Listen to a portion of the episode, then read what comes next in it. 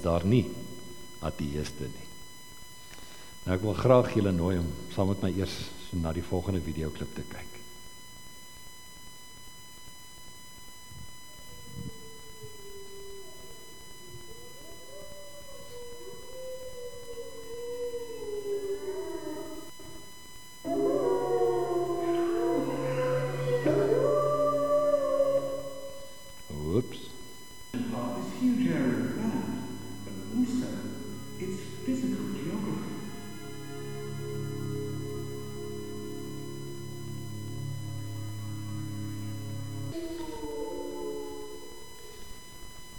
Moet hom nou afsit net nou kry die mense nagmerries.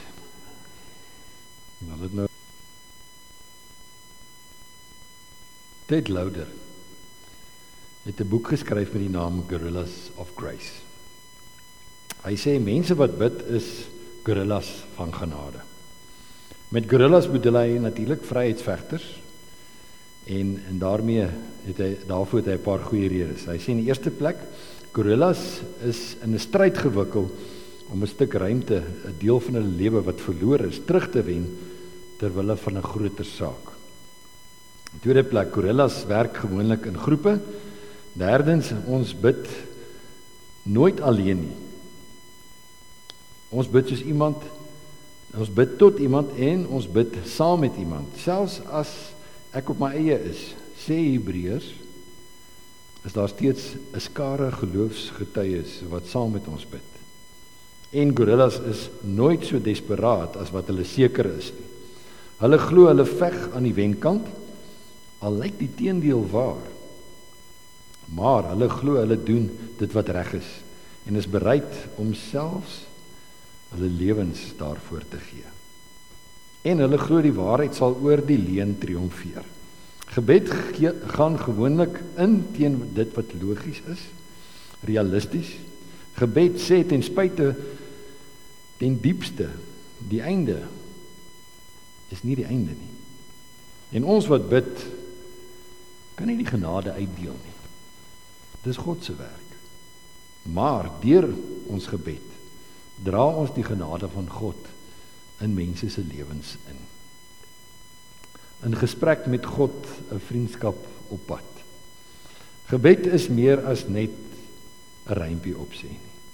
Dis 'n verhouding wat deur woorde en saamstap ontwikkel. 'n Vriendskap op 'n lewensreis. En wanneer ek op hierdie lewensreis vertrek, is dit 'n antwoord op God se roepstem. Sonder dat ek weet waar en waarheen dit gaan en sonder dat ek weet wie ek gaan wees aan die einde van die reis.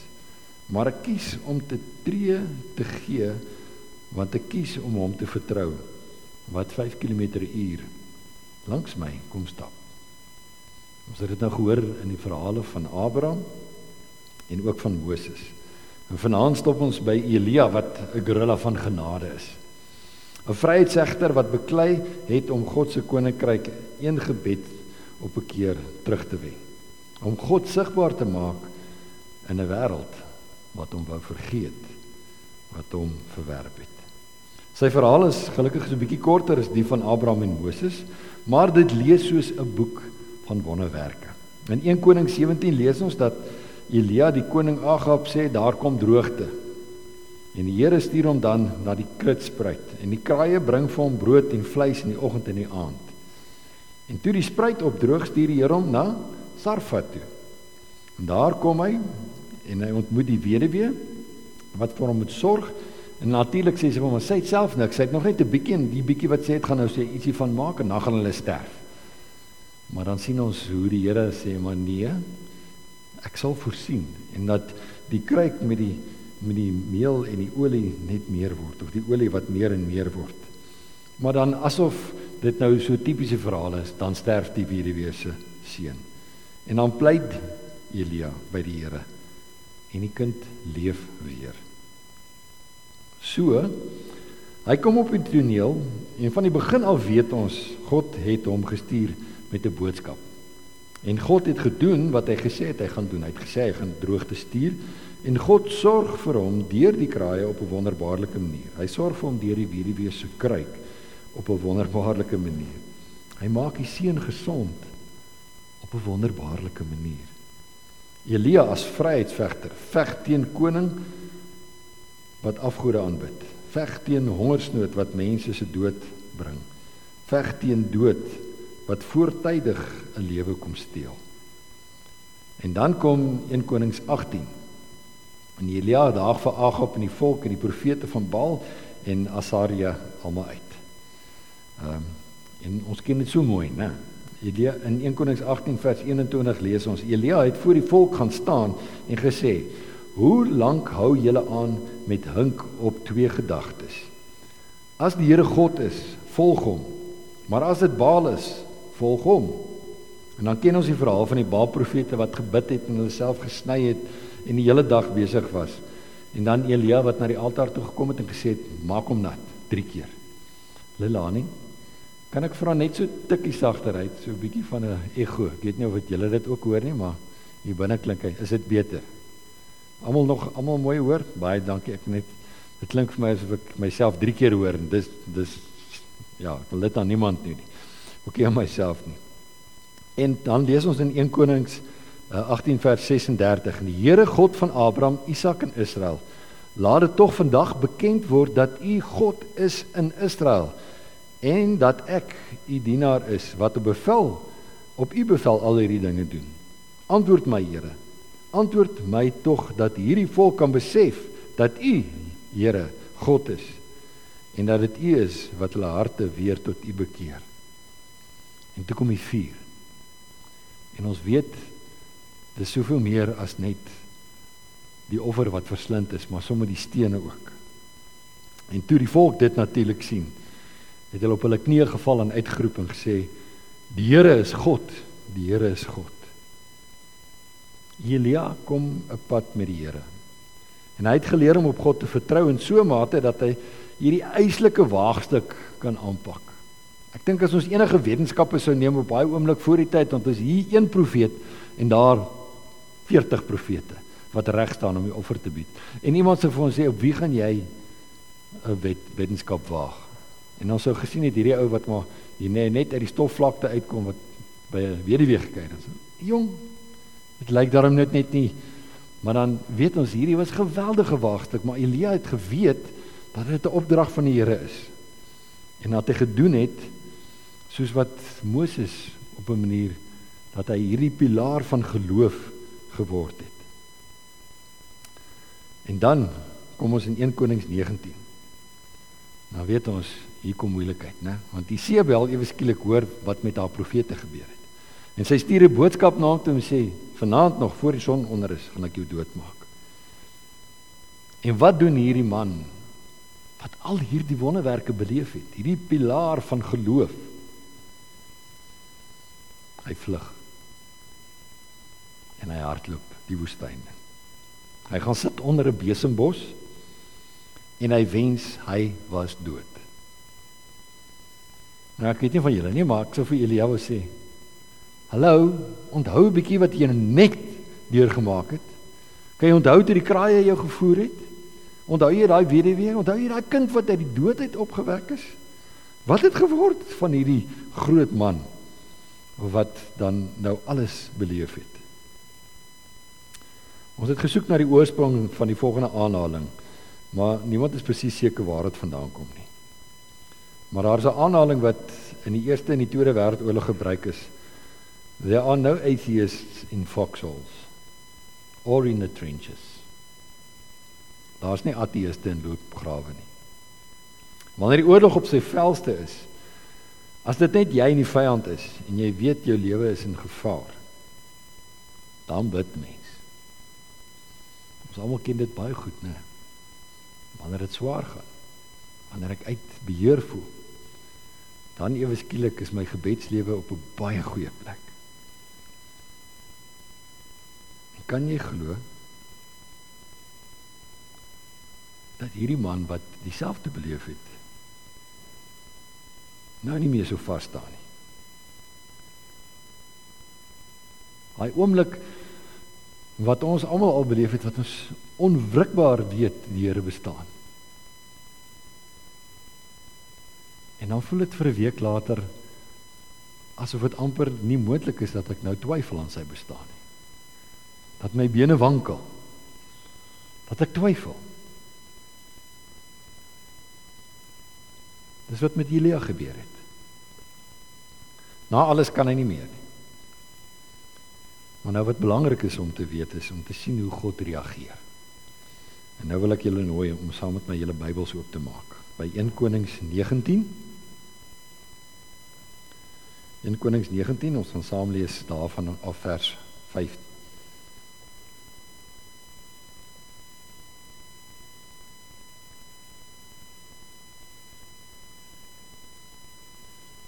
Konings 19 vanaf vers 5. Toe gaan lê hy en hy het daar onder die besembos in slaap geraak. En toe hy hom weer kry, skud 'n engel aan hom en sê: "Word wakker, eet." Toe hy opkyk, sien hy by sy kop roosterkoek wat op warm klippe gebak is en 'n kruik water. En hy het geëet en gedrink en weer gaan lê. Die engel het 'n tweede keer aan hom geskud en gesê: "Word wakker, eet. Anders is die pad te lank vir jou. Anders sal die pad vir jou te lank word. Toe staan hy op en hy eet en deur die krag van die kos kon hy 40 dae en 40 nagte lank loop tot by Horeb, die berg van God. Hy het in die grot ingegaan en die nag daar deurgebring. Toe het die woord van die Here tot hom gekom en vir hom gesê: "Wat maak jy hier, Elia?" Hy antwoord toe: Ek het my hart en my siel gewy aan U saak, Here, almagtige God. Die Israeliete het die verbond met U verbreek. Hulle het U altare afgebreek en U profete doodgemaak. Net ek alleen het oorgebly en hulle soek my om my ook om die lewe te bring. Maar die Here sê vir hom: Kom uit. Hy gaan staan op die berg voor my. Die Here, ek wil verbygaan. Skielik was daar baie sterk wind wat die berg stukkend geruk en die rotse gebreek het voor die Here. Maar in die wind was die Here nie. Na die wind was daar 'n aardbewing, maar in die aardbewing was die Here nie. Na die aardbewing was daar 'n vuur. Maar in die vuur was die Here nie. En na die vuur was daar 'n fluistering in die windstilte. Toe Elia dit hoor, het hy sy gesig met sy mantel toegemaak en by die bek van die grot gaan staan. Toe hoor hy 'n stem wat vir hom sê: "Wat maak jy hier, Elia?" En hy het gekom. Hy het geantwoord: "Ek het my met hart en siel aan U saak gewy, Here Almagtige God. Die Israeliete het die verbond met U verbreek.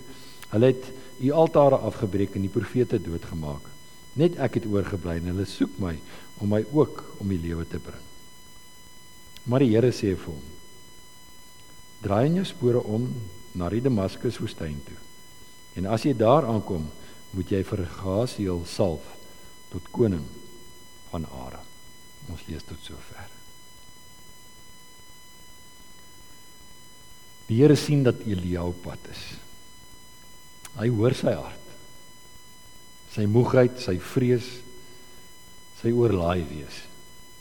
En dis dieselfde Here van wie ons lees in Matteus 11 vers 28 wat hier met sy kind besig is. Waar die Here kom sê het kom na my toe almal wat moeg en oorlaai is en ek sal jou rus gee.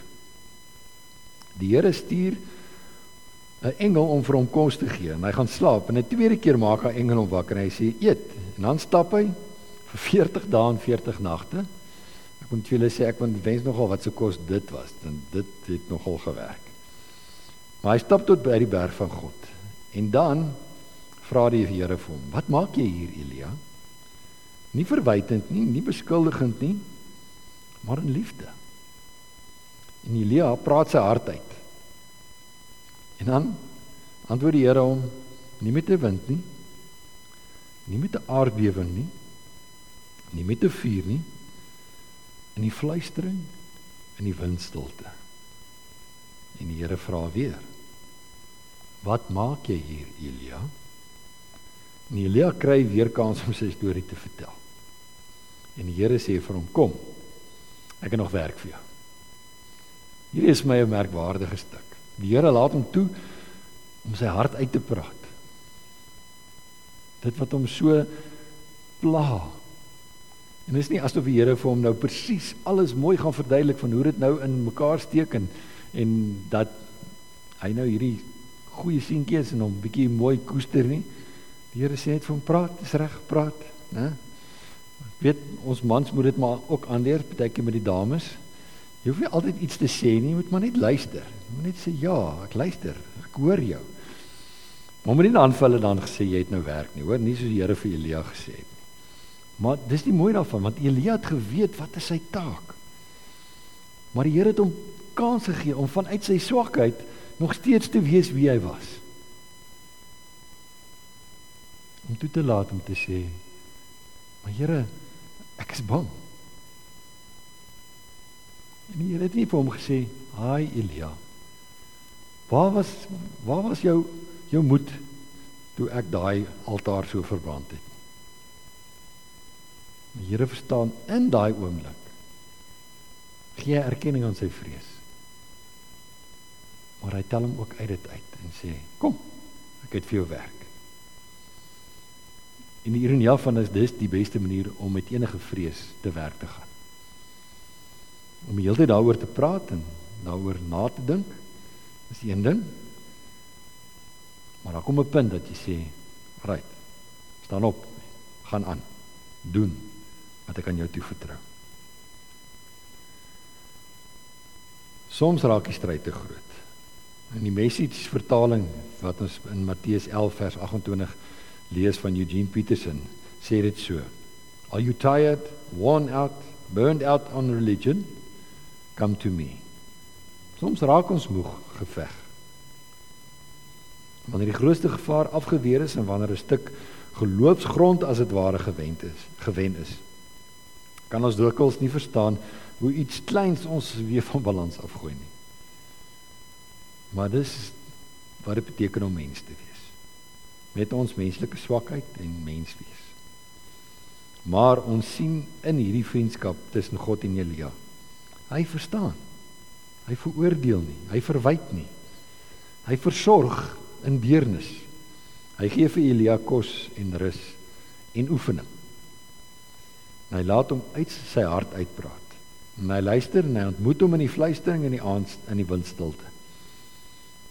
En dan bevestig hy weer dat hy steeds Elia as sy geroepene beskou. Dat hy steeds saam met hom stap. Hy sê nie ag, nee wat. Elia, ons is nou genoeg. Jy verstaan nog steeds nie wat waaroor dit gaan nie. Die Here tel hom dan op en sê: "Right, kom ons gaan." By Elia leer ons vier dinge. Ons leer by Elia om te veg teen dit wat die Here se naam in gedrang bring. Hy het geweet dit wat die koning gedoen het was nie reg nie. En hy het geweier om stil te bly. Ons leer ook die tweede punt by hom om om die Here te vertrou. En dat wanneer nee wag kom ons lees hom ons leer ook by hom dat die Here getrou is wanneer sy kinders opstaan in sy naam. Die Here het bly sorgvol. Ons leer ons is maar net mense en soms gee ons kragte in en dis oukei. Okay. Want God verstaan en hy werk met sagte hande met sy kind wat seer het en moeg is. En laastens ons leer hierdie vriend van ons draai nie sy rug op ons as ons swak is nie. Maar sien alles raak. Hoor dit en antwoord weer. Ons kan nie almal altyd sterk wees nie. En ons wil graag ons helde so behandel, né? Ons geloofshelde. Maar as ons regtig eerlik is en ons blaai deur hierdie Bybel, dan is daar nie een van die geloofshelde wat nie eers op 'n stadium gestruikel het nie. Die mense wat ons so wil verhewe hou is mense. Miskien wil die Here vanaand ook weer vir ons herinner. Besef die voete van klei. Maar luister en hê die genade wat ek ook vir Elia gehad het, ook vir elkeen van hulle. Mag ons die moed hê om op te staan vir ons Here. Mag ons gorillas wees wat veg om God se genade sigbaar te maak in ons stukkende wêreld. En soos die wolwe 'n nuwe wêreld skep. En wanneer ons moeg raak, mag ons God sien en sy liefdevolle arms om ons voel. Wanneer ons voel ons kan nie meer nie. Mag ons soos Elia